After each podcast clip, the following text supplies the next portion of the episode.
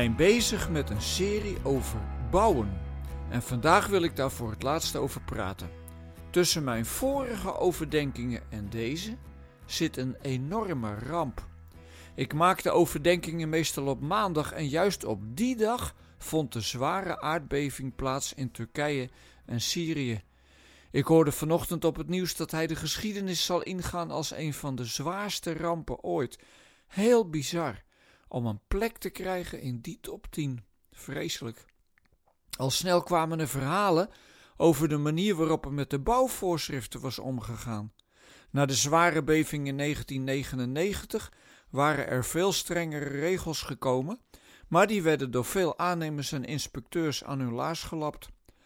Als deze aardbeving in San Francisco had plaatsgevonden, zou het heel anders verlopen zijn. Wat een triest verhaal. Bouwvoorschriften zijn er niet voor niets.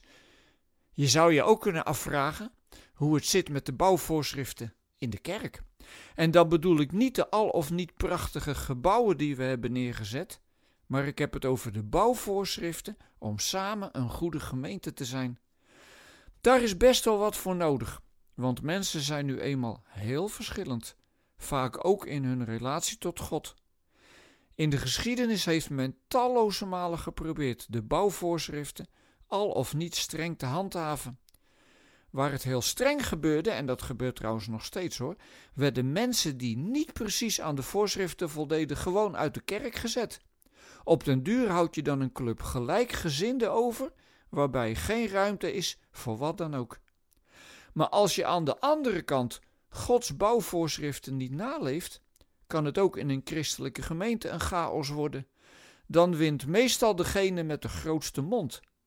Dus ergens daartussenin zal het gemeente zijn moeten gebeuren. Ik vind zelf dat het allerbelangrijkste bouwvoorschrift is dat je je altijd bij alle situaties die zich voordoen moet afvragen of er uit liefde wordt gepraat en gehandeld. Er zijn genoeg voorbeelden van christelijke voorgangers die dingen deden omdat ze gewoon jaloers waren of een beetje te veel ego met zich meedroegen.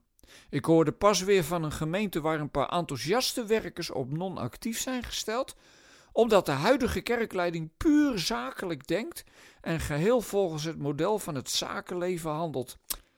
Dan is er volgens mij nog een bouwvoorschrift, dat van de vergeving. Dat komt ten diepste natuurlijk ook voort uit de liefde, maar die is soms nog lastiger.